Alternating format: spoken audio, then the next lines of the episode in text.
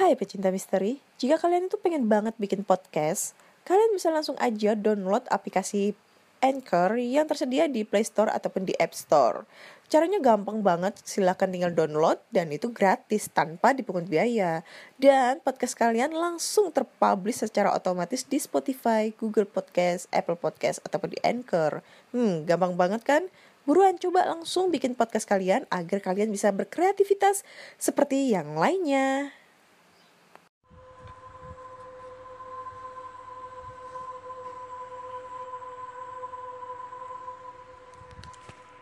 Hai Re, jumpa lagi dengan aku Anna di podcast kisah horor. Hmm. Oke, hari ini hari Sabtu tanggal 2 Duh gak kerasa banget sekarang udah tanggal 2 ya Tanggal muda tapi berasa tanggal tua. Iya karena udah gak dapat penghasilan lagi. Sedih deh. Sekarang tanggal 2 jam 1 lewat 40 menit malam. Dan ini hari Sabtu ya Selamat bermalam mingguan bagi yang mau keluar nanti malam mingguan Tapi gak usah lama-lama terapkan social distancing ya. Hahaha. Oke, seperti biasa aku akan membacakan email berhantu dari teman-teman semua yang sudah masuk di podcast kisah horor gmail.com maupun di DM Instagram podcast kisah horor ataupun DM Instagram Ana Olive. Dan ya ini udah lumayan sih kemajuan. Ada tiga email yang masuk. Tiga email tapi nggak apa-apa menambah asupan untuk membaca cerita horor dari teman-teman semua. Seperti itu. Hmm, kemarin itu ada yang nge-DM aku, Kak Ana lagi kangen nih opening di openingnya itu seperti kayak openingnya ruang misteri. Oke, okay, mumpung ini bulan Ramadan dan pastinya setan pada di kerangkeng, aku akan mencoba. sebenarnya sih geli juga ya untuk men, apa ya uh, openingnya itu ketawa-ketawa kayak gitu kan tapi untuk memuaskan hati para penggemar cile penggemar enggak lah hati para teman-teman semua aku akan mencobanya ya semoga aja masih bisa mulai lagi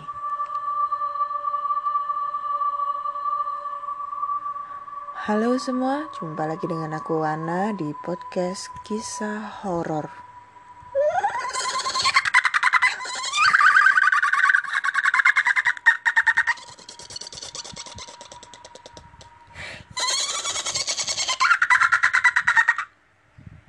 itu ketawa kuntilanak bukan sih ya kayak gitu gue nggak tahu. Kayaknya ketawa kuda ngikik.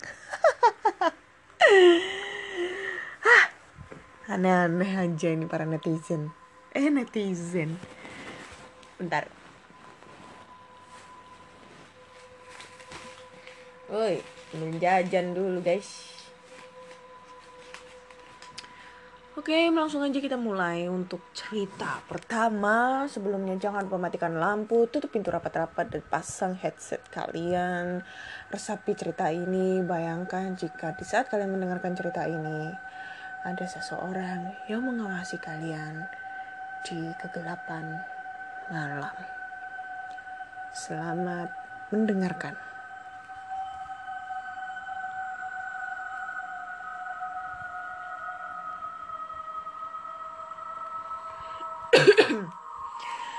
Oke, langsung aja mulai. Aduh, batuk Haji. Oke, cerita pertama dari Rizka. Singkat singkat ya ceritanya ini. Halo Kak Anan, namaku Rizka. Waduh, batuk guys. Aku ingin menceritakan sedikit pengalaman yang pernah aku alami. Malam hari sekitar pukul 23 lewat 15 menit waktu Indonesia Barat. Aku terbangun karena ingin buang air kecil. Terpaksa aku harus terbangun lalu keluar, soalnya kamar mandi ada di luar. Biasa karena nggak ada lampunya Jadi aku harus membawa senter. Apalagi kamar mandiku itu sebelahnya kuburan tanpa ada pagar. Biasanya sih tenang-tenang aja, gak ada apa-apa. Tapi entah mengapa malam itu rasanya beda banget. Seperti ada yang melihat ke arahku. Waktu nggak sengaja saya arahkan senter ke kuburan, ternyata tiba-tiba ada sosok perempuan sedang berjalan begitu.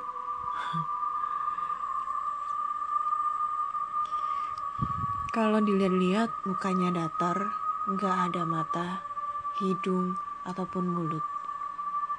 Aku langsung baca doa sebisanya sambil lari ke ke arah kamar mandi. Setelah keluar aku memberanikan diri mengarahkan senter ke kuburan lagi. Untungnya di sana gak ada apa-apa. Syukurlah agak tenang jadinya walaupun masih sedikit deg-degan. Langsung deh aku masuk ke rumah buru-buru untuk tidur lagi.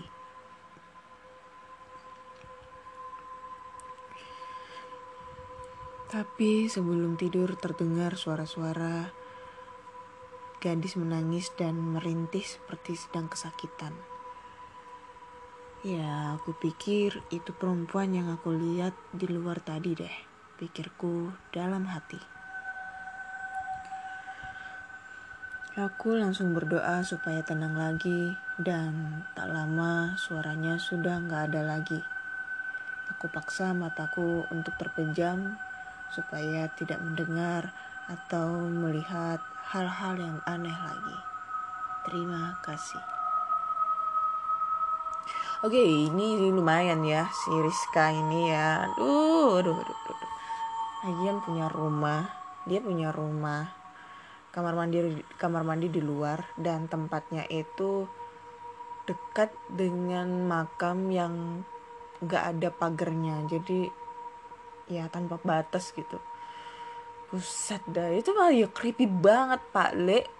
Eh aduh. Slogan ini kayaknya kayak pernah denger deh. Siapa ya? Oh he masa lalu. Oke okay, usah dibahas. Pasti kalian ada yang tahu bagi yang penyuka YouTube ya itu creepy banget lah. Ya ini kalau ada sih masih banyak banget sih kalau kamar mandi di luar ya kayak di desaku ya. Di daerah Kediri itu zaman dulu ya. Kalau sekarang mah kamar mandi udah di dalam rumah. Kalau zaman dulu itu waktu aku masih kecil sekitar tahun 90-an gitu kamar mandi itu di luar gitu. Tapi nggak nggak jauh sih. Cuma ini rumah ya udah keluar gitu itu kamar mandi. Itu cuma jaraknya itu deket sumur lah. Nah yang paling beda lagi adalah WC kalau dulu itu di di desa itu di rumah nenekku itu jadi itu WC-nya itu dibuat bersama. Maksudnya itu dibuat bersama. Jadi di dekat rumah ini di satu deretan rumah itu ada empat rumah ya. Nah empat rumah ini WC-nya satu gitu dibuat gantian. Nah pas posisinya WC-nya ini itu agak jauh kan dari rumah dan tempatnya itu ada di belakang biasanya di belakang rumah deket kebun dan banyak sekali pohon-pohon pisang yang creepy banget. Pohon ya pohon-pohon lah itu serem banget lah. Apa ya? Nggak ada penerangannya sumpah. Itu aduh serem sumpah. Tapi sekarang mah udah udah zaman semakin modern itu kloset itu ada di di dalam rumah ya satu jadi satu sama kamar mandi. Nah kalau yang paling parah lagi ada di ada di Jogja. Jadi kan eh, ayahku bapakku ini kan orang Jogja ya. Sebelum gempa Jogja terjadi yang pada waktu 2006 itu kita kalau mandi itu di kali pak. Jadi mandi cuci baju maupun beol di mandi eh di kali gitu kan. Nah kalinya ini ya kalian bisa tahu lah. Kalinya itu kita harus jalan kaki. Terus nah, harus turun ke bawah gitu kan. Dan aduh serem banget untuk ngedengerin suara air mengalir dari alir aliran sungai gitu kan tapi ya jujur sih zamanku masih kecil itu aku lebih aku tuh seneng banget itu loh mandi di kali gitu kan. Bisa sampai sehari itu lima kali. Karena memang airnya jernih selain itu airnya jernih dan kalau misalnya untuk dibuat beol itu beda ya. Posisi alirannya itu beda. Jadi untuk di sebelah agak depan itu untuk mandi. Untuk mandi dan nyuci. Yang belakang itu untuk orang buang hajat gitu kan. Jadi kadang itu kita mandi itu ada ada aja yang lewat gitu kan kuning kuning beneran ini sumpah. Tapi enak banget itu loh airnya seger. Nah dulu itu gak salah itu kejadian ini kejadian dari saudara aku ya saudaraku yang di Jogja. Jadi rumah rumahnya bapakku dulu ini tempatnya ini melosok dan sebelum ada ada gempa Jogja itu kamar mandi itu kita nggak ada. Setiap rumah itu nggak ada kamar mandi mandinya di kali tapi setelah kejadian gempa Jogja itu kan banyak yang direnovasi rumah-rumah. Akhirnya dibikinkan kamar mandi dalam gitu kan. Nah ini kejadian saudaraku. Saudaraku ini waktu malam hari sekitar jam 7 dia ini ah nggak jam 7 kok. Di atas jam 7 kayaknya. Dia itu ngeluh sakit perut. Ya mau buang hajat lah gitu kan. Dan um, dia ini udah biasa gitu loh. Pergi ke kali sendirian tuh udah biasa. Nah posisinya dia ambil kali yang paling deket rumah gitu kan. Soalnya di Jogja itu banyak banget kali-kali gitu kan. Deket rumah itu banyak banget lah. Aliran sungai-sungai itu banyak banget. Nah dia ambil yang deket rumah Nah, posisinya yang deket rumah itu adalah depannya makam, pas makam umum. Ya, termasuk makam kakekku juga di situ, gitu kan. Nah, pas dia mau ke bawah, jadi kan jalan, jalannya ini kan agak rusak ya, belum beraspal, jalannya rusak, dia turun ke bawah.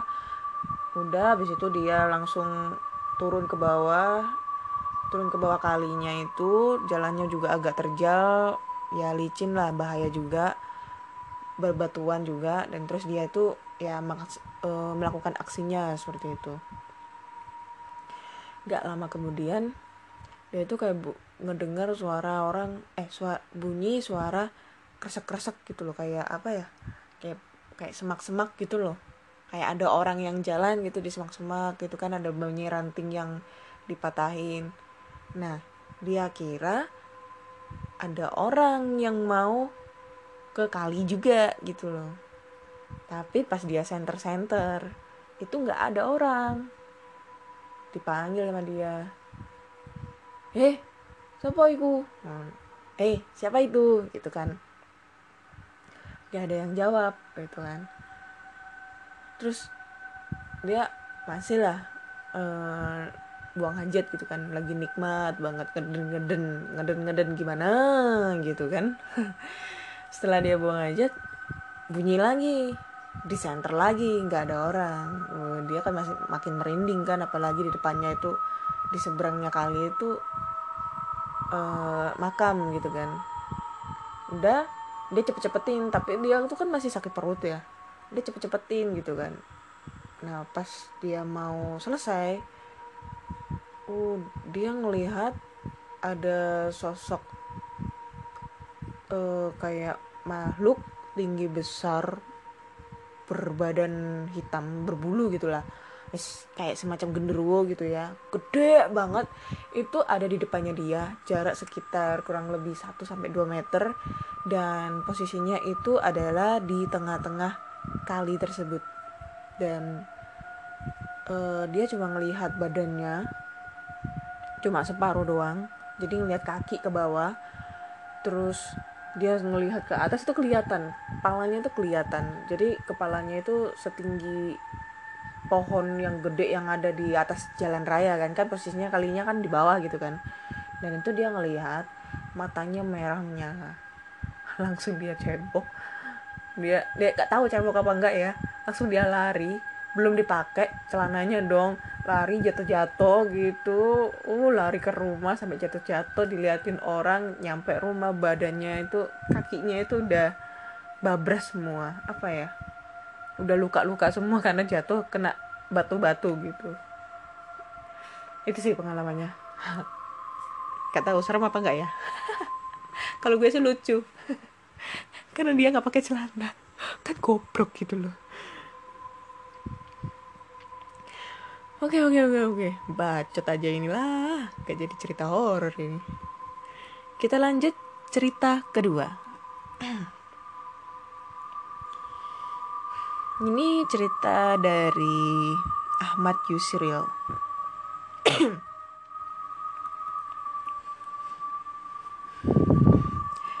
cerita ini aku alami waktu waktu aku masih di pondok pesantren. Jadi malam itu habis kegiatan dan makan malam, aku dan teman-temanku mau begadang di lantai 4 di asramaku. Memang katanya sih lantai 4 itu dikenal paling angker di pondokku. Saat mau, nas mau naik ke lantai atas, aku membangunkan salah satu temanku yang ketiduran. Padahal ia biasanya yang mengajak begadang. Namun ia sulit dibangunkan. Ya udah pikirku, kalau ia bangun biasanya aku menyusul di tempat.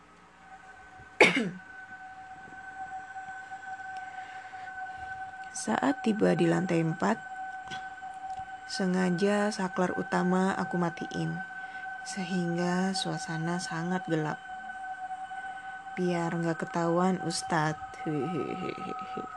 Nakal ya. Lalu aku dan teman-teman menuju kelas pojok melewati lorong-lorong kelas yang gelap.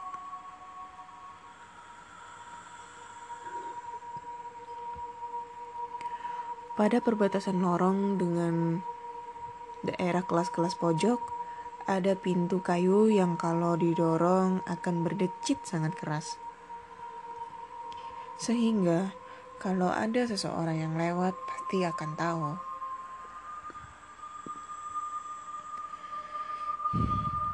Saat itu jam udah menunjukkan pukul 2 dan aku ingin buang air. Otomatis aku harus turun ke lantai dasar. Sebenarnya aku udah minta ya temenin, tapi teman-temanku nggak ada yang mau. Ya udah, terpaksa aku harus pergi sendirian.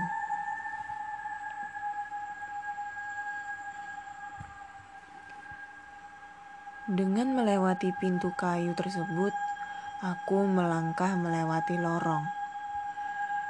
Awalnya sih biasa aja, saat aku di depan kelas sebelum menuruni tangga, sepertinya ada seseorang yang memanggilku dari dalam kelas. Namun aku tidak menggubrisnya. Kemudian suara itu muncul lagi. Aku pun memberanikan diri masuk ke dalam kelas tersebut, walau jantungku sudah sangat deg-degan.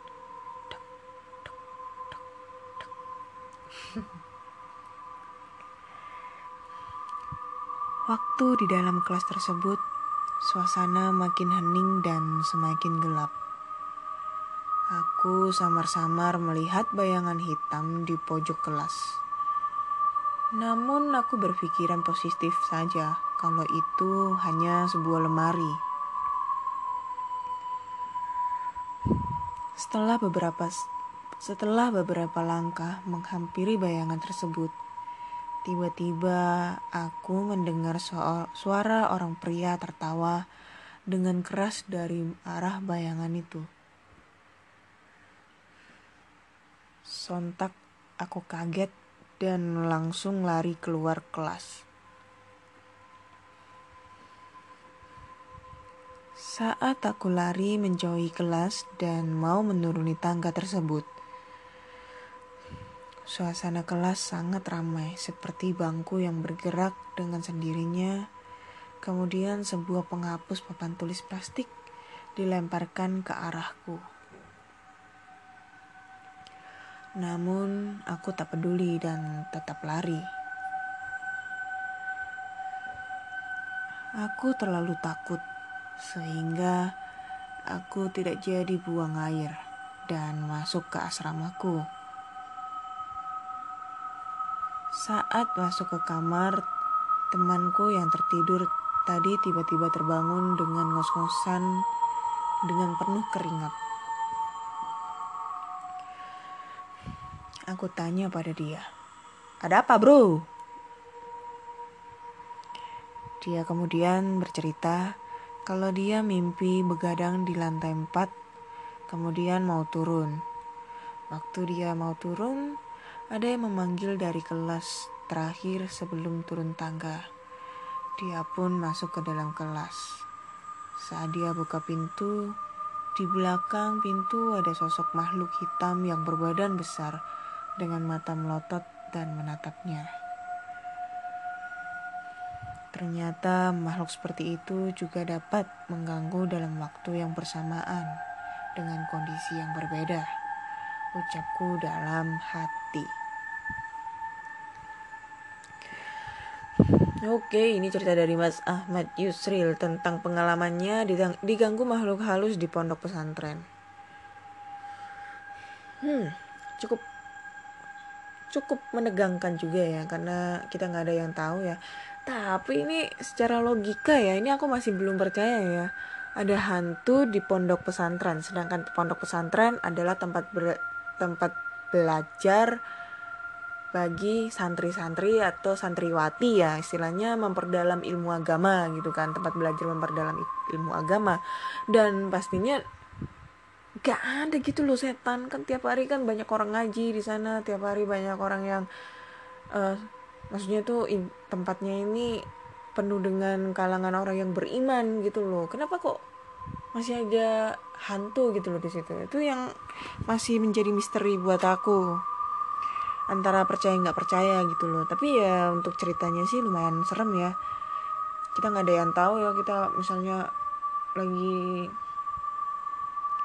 apa pengen begadang gitu kan di salah satu tempat lokasi yang menurut kita aman gitu loh. Aman buat kita ngobrol-ngobrol di atas.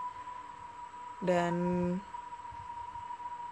apa namanya serem gitu loh. Ah gelap dan jarang ditempatin. Serem sih ini lantai 4 bro. Wih gila.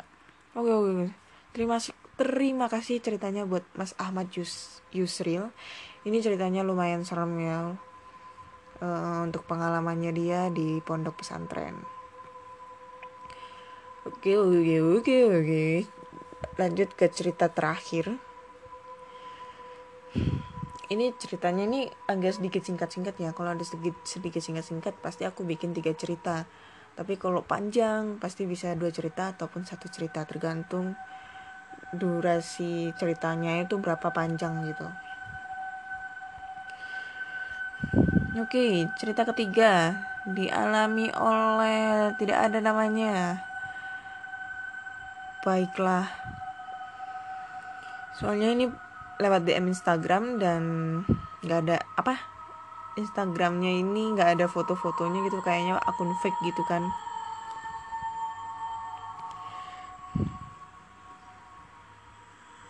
Ini ceritanya pernah pernah aku dan teman aku alami. Ceritanya begini. Saat itu sudah tengah malam. Orang tuaku sedang yasinan ke masjid. Jadi di rumah ada aku dan adik aku saja. Saat itu kalau nggak salah jam 10 malam. Aku sedang teleponan di ruang tamu sambil tiduran. Pintu tiba-tiba terbuka lebar. Jadi saat aku lagi asik teleponan dengan temanku, tiba-tiba aku mendengar suara ketukan drum dari arah pintu sebanyak tiga kali. suara drum? Berarti di rumahmu punya drum gitu?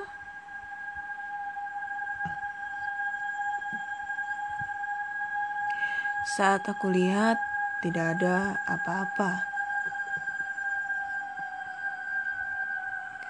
Aku masih melanjutkan telepon lagi, dan suara itu terdengar kembali. Aku pun melihat ke arah pintu, masih tidak ada siapa-siapa. Aku lanjutkan kembali ngobrol di HP dengan temanku sambil memikirkan siapa yang mengetuk lagi. Kutunggu suara ketukan itu, tapi tidak ada yang mengetuk lagi. Karena aku penasaran, aku pun melihat ke arah pintu dan di situ aku sangat terkejut. Ada pocong yang ingin melompat ke arahku. Aku pun menjerit dan pingsan. Tak tahu apa yang terjadi setelah itu. Namun, menurut adikku, katanya aku menjerit. Adikku langsung menghampiri aku dan sudah melihatku pingsan. Sontak dia langsung menarik aku ke kamar.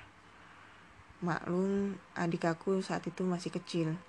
Jadi belum bisa buat gendong aku. Jadi kamu diseret-seret gitu sama adik lu. Bisa dah lu. Wih sadis adik lu. Adik lu nyeret-nyeret lu gitu. Manjai aduh kayak di film-film sumpah diseret-seret gitu kan. Uh, uh berat banget sih nih kakak ini. Ih makan apa ini? Anjir lah. Oke lanjut. Saat aku pingsan, HP aku itu masih terhubung dengan teman aku yang sedang teleponan. Dia bertanya kepadaku, "Kamu semalam kenapa?" Habis menjerit kok gak ada suaranya lagi. Aku langsung menceritakan kepada temanku tentang kejadian saat itu. Lah, ya ini ceritanya bukan lu sama temen lu yang ngalamin bro. Lu aja yang ngalamin. Temen lu itu nggak ngalamin. Kalau temen lu itu mengalami hal kejadian yang sama gitu kan. Nah itu bisa terjadi kalau temen lu ngalamin tapi lu nggak ngalamin. Tapi lu itu ngalamin cuma di saat lu lagi telepon-teleponan sama temen lu. Itu yang bener. Kampret. Suka emosi kalau uh, cerita itu clickbait gitu kan dari judulnya. Anjir lah. Tapi ini aduh asem lah ini sumpah. Diseret-seret gitu sama adiknya gitu kan. Dia nggak kuat adiknya terus diseret masuk ke dalam. Eh keburu masuk ke dalam. Anjir lah ini berat banget sih ini kakak ini. Ah tangcat Oke oke oke oke Aduh udah habis ya ini ceritanya Jadi ya lumayan Nah ini menurutku yang paling lumayan ceritanya adalah ceritanya dari ini ya dari Mas siapa tadi? Yang cerita kedua. Cerita kedua tadi dari oh Mas Ahmad Yusril ini lumayan serem sih bagiku dan yang pertama dari yang pertama tadi dari Rizka ya nggak salah. Oh ya dari Rizka. Huh. Ini lumayan serem sih bagiku. Punya rumah kamar mandinya ada di belakang dan suasananya itu horor karena dekat dengan makam gitu kan. Nggak nggak kita nggak bisa bayangin kan di saat kita ke kamar mandi dan kamar mandinya itu posisinya itu adalah nggak ada atapnya gitu kan. Dan pas kita lagi asik-asik wah buang air coy.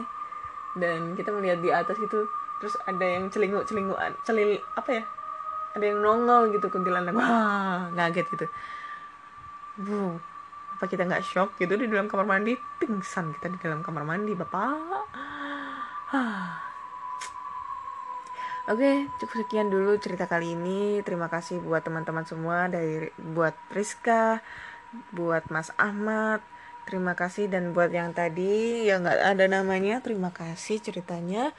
Cerita kalian keren dan bagi kalian yang mempunyai cerita horor, pengalaman pribadi ataupun pengalaman dari teman-teman, pengalaman dari kakak, adik, saudara, orang tua dan semuanya, kalian bisa langsung aja kirim ceritanya ke email podcast kisah horor at gmail.com ataupun di Instagram Ana Olive ataupun di as di Instagram podcast kisah horor dan jika kalian pengen aduh aku malas nih ngetik aku mending kirim melalui voice aja melalui suara aja kalian bisa langsung aja kirim ceritanya di email podcast kisah horor at gmail.com nanti pasti cerita kalian aku bacain di Spotify ataupun di YouTube. Jadi kalau kalian penasaran dengan cerita yang ada di YouTube kalian bisa langsung aja search aja di YouTube namanya Anna Olive. Karena ceritanya beda dari yang di Spotify maupun di Google eh di Google di YouTube.